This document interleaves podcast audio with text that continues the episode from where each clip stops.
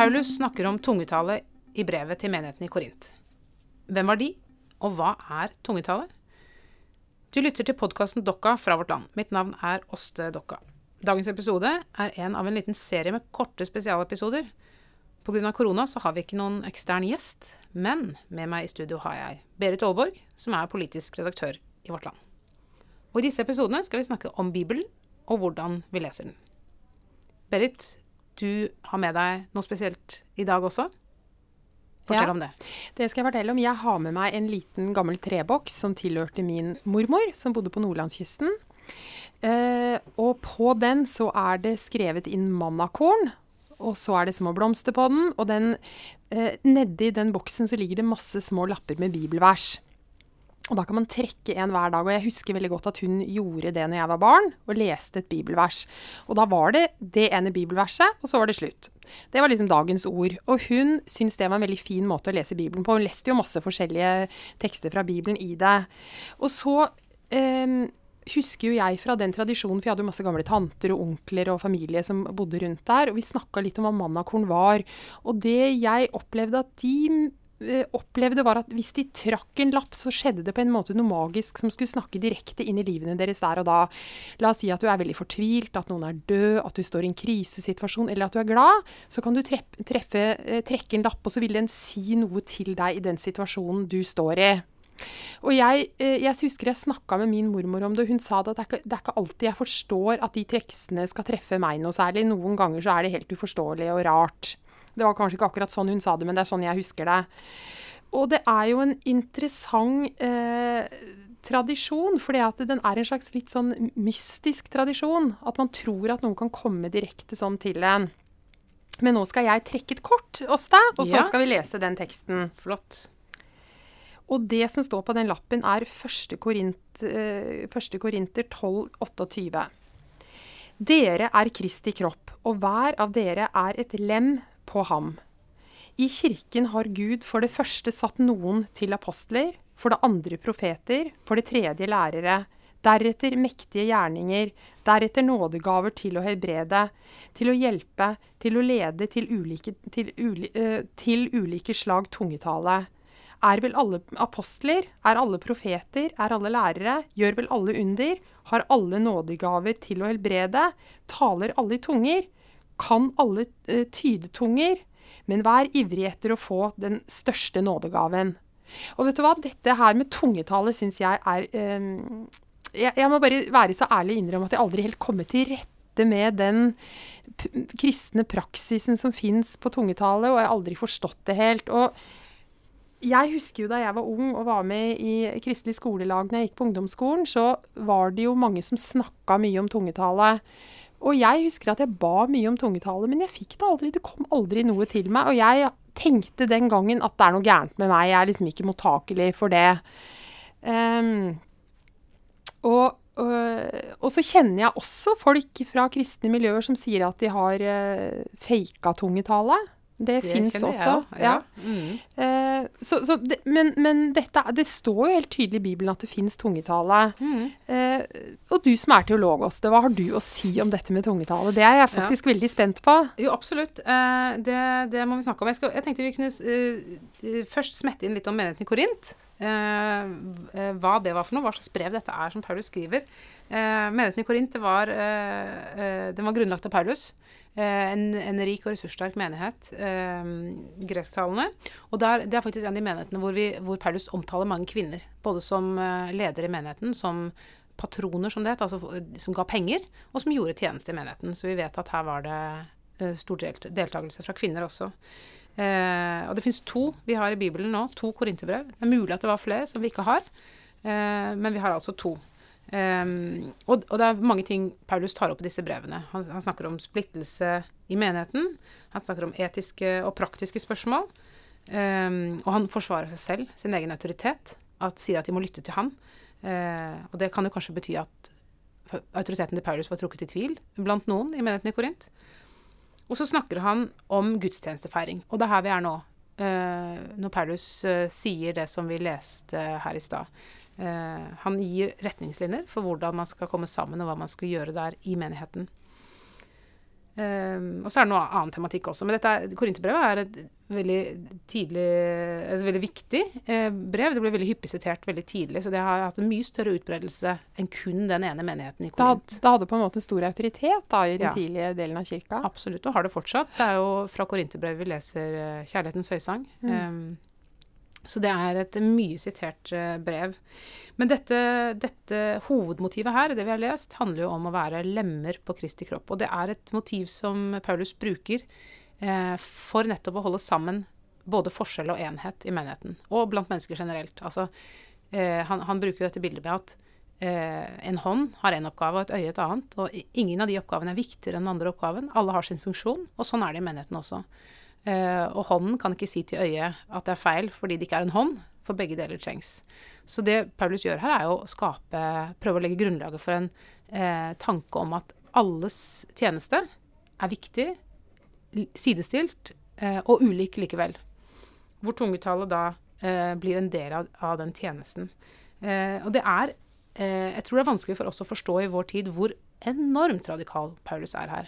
Fordi i det samfunnet de levde med slaver og slaveherrer, med en enorm hierarkisk struktur med underordning og overordning, hvor hele folk var underlagt fremmed styre osv., så, videre, så sier han jo alle hører til. Alle er viktige. Alle er like mye verdt.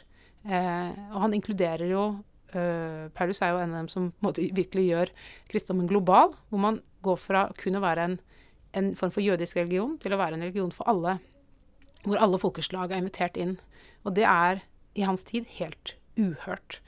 Og det er jo det som egentlig åpner for den kirka vi er en del av i dag. Nettopp. Det er Paulus som har eh, inkludert oss i frelsen på mange måter.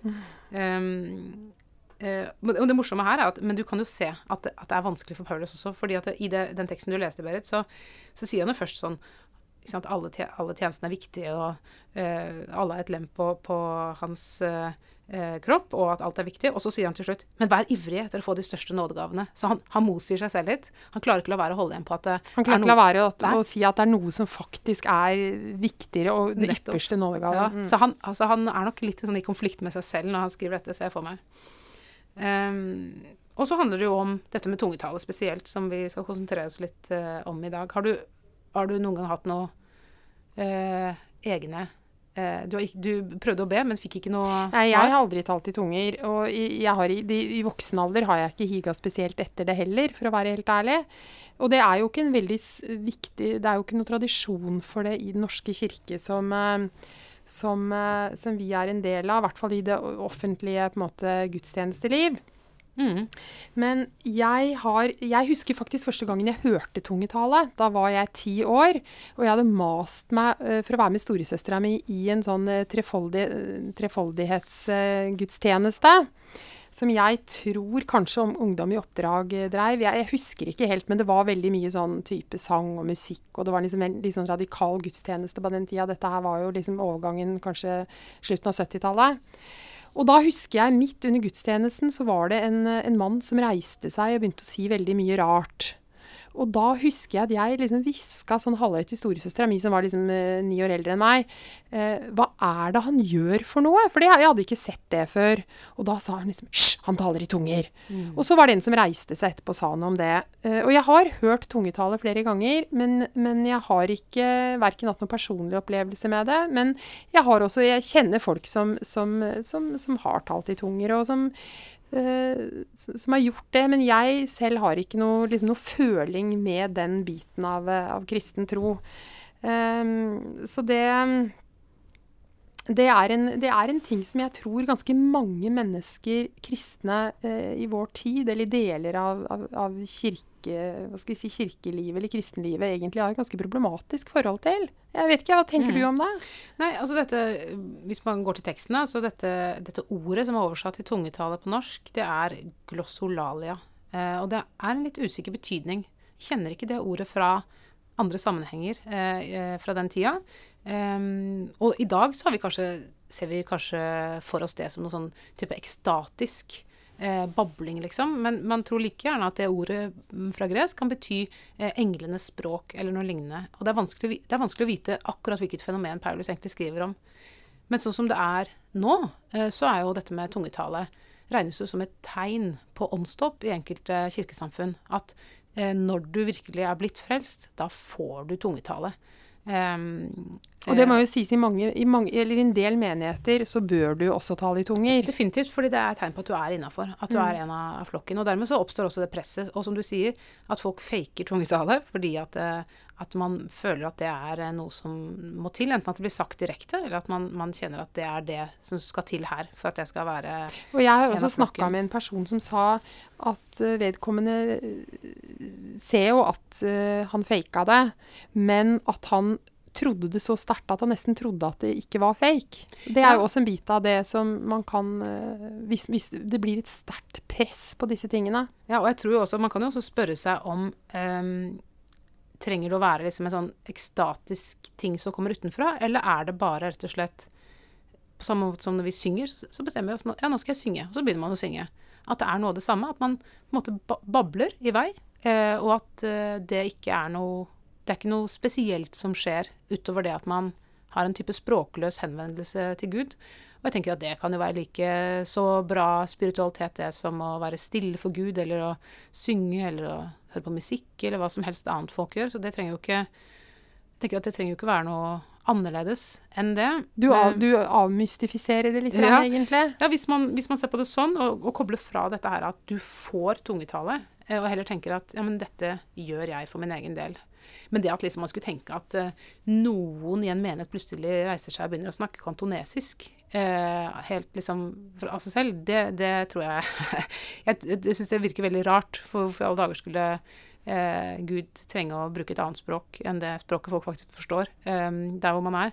Så, så det, det, er jo, en slags sånn type magireligion, hvis man, hvis man først begynner sånn. Det er jo noen, noen deler av kristenheten som er veldig opptatt av tegn og under og og sånne type ting. Og da vil det kanskje stå høyere i kurs den slags type fenomener. Men jeg har aldri vært borti det, da. Men, men, det finnes jo også i flere religioner, i mystiske tradisjoner, i sufismen mm. f.eks.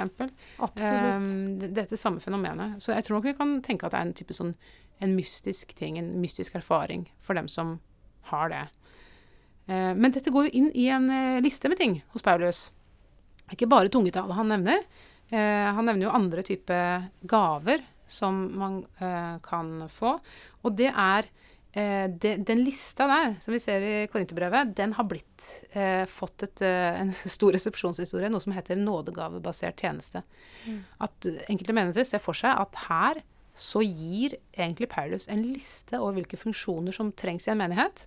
Og så er det noen som skal fylle de funksjonene. Eh, og da er det om å gjøre nå i dag da, å finne ut hvem som har hvilke. Hvem er det som har profetisk gave, hvem er det som har læregave, osv. Um, uh, og, så, og så på en måte fordele oppgavene. Um, men det, det, det, er jo Det er mange grunner til å tenke at det er litt rart. Eh, for det står jo ikke noe om at man trenger en kasserer der, f.eks. Eh, Selv ikke at man trenger eh, en datakyndig? En datakyndig. Eh, en som kan dele ut salmebøkene osv. Så, videre. så det, eh, det, er en underlig måte å Og så er det i tillegg en underlig måte å lese teksten på. Uh, både dette begrepet nådegave. Så det finnes noen gaver fra Gud som ikke er gitt i nåde. Eh, hvordan kan man skille ut noen type ting som, som helt særegent gitt av Gud på en annen måte enn andre gaver? så det er mange det er mange spørsmål man kan stille seg mm. rundt dette. Og jeg syns også det til dels taler mot teksten som helhet, med at alle funksjoner er viktige. Eh, og det, da skulle du hente ut fem stykker som liksom skulle være grunnlaget for, for, for det å drive menighet, det er jo spesielt. Men jeg syns Jeg syns vi må snakke litt om dette fenomenet mannakorn også. ikke bare som en sånn ting, et fenomen i kulturhistorien, men også teologisk. Uh, for det er, jo, det er jo å trekke et bibelvers opp av en hatt. Det er jo mm, det det er. Det er det det er. Uh, og, da, og, da, og, det at det skal Altså hele, hele den mannakorntradisjonen, det den sier, er jo for det første Gud skrev Bibelen. Og for det andre Gud valgte ut noen vers som vi la oppi denne krukka. For det er jo ikke mm. alle, det er ikke alle Bibelens vers. Og for tredje Gud sørger for at du får rett vers der hvor du er nå. Um, og i denne tankegangen uh, så er det jo flere problematiske ting, tenker jeg. Uh, det ene er jo at hvis Gud faktisk skrev Bibelen, så betyr jo det at alt som står i Bibelen, er like relevant. Så, så det å på en måte velge ut noen vers som får lov å være med i den krukka, mens andre vers ikke står der, ikke er, er med, det, det, er jo på en måte en selvmotsigelse til det underliggende prinsippet. Ja, og det er en ganske begrensa antall bibelvers selvfølgelig som står der. Absolutt. Og hvem er det som velger dem, og hva slags uh, rolle har Gud i det? Det blir jo en sånn liten kanon i kanon, som vi sier. Altså en, en, uh, en, en, uh, en oppsummerende um, tekstsamling eller verssamling. Uh, og jeg tror heller ikke at Gud skrev Bibelen, eller at Gud velger bestemte vers til oss. Um, og jeg tror at en tekst eh, Dette var vi inne på i forrige episode, men en tekst eh, fortjener å leses i den konteksten som den er skrevet. Altså, når du leser en, en, et eventyr, så, du, så gir det begrensa mening å bare ta ut en setning av det eventyret. uten sammenligning for øvrig. Men du, du, må, du, må, få med deg hva som står rundt akkurat det verset. Og det vi har jo en lang tradisjon i, i alle kirkesamfunn for å, for å, lese tekster veldig løsrevet. Mm. At, man, at, man, leser liksom en prekentekst fra Matteus, og, og, så vet man liksom ikke hva skjedde før? Hva skjedde etter? Eh, hvilken funksjon har dette her? Og det må jo da presten eller predikanten si noe om, hvis man skal få vite noe om det. Um, eh, så det tenker jeg også er en type en slagside til å, til å lese såpass løsrevet som man gjør i sånne type sammenhenger. Um, og så tenker jeg at det, er ikke sikkert at alt som står i Bibelen er uh, like relevant og inn i alle situasjoner. Det kan jo uh, være direkte skadelig hvis den blir brukt feil. Det er harde ord mange steder. Uh, ja, Hvis du tenker at f.eks. et menneske er i en krisesituasjon Jeg har hørt historier om mennesker som har vært i krisesituasjoner, som har tatt opp veldig krevende bibeltekster og som nærmest har følt det som et, et, slag. Altså å få en type bibeltekst midt inn som liksom skal være valgt av Gud. Direkte inn. Og så er det en bibeltekst som er forferdelig krevende, og som krever noe av deg du ikke kanskje i den situasjonen kan stille opp med. Så, så det, er, det, er, noen utfordringer med å lese Bibelen på den måten og tro at ett bibelord kan tale direkte til deg, og at det er gitt deg akkurat nå fra Gud. Jeg er helt enig i den, eh, den, eh, det du sa der, altså. Og jeg tror at uh, når man leser, uansett hva slags type bok det er, så vil noen ting feste seg ved, hos deg fordi det på en eller annen måte resonnerer med noe i deg.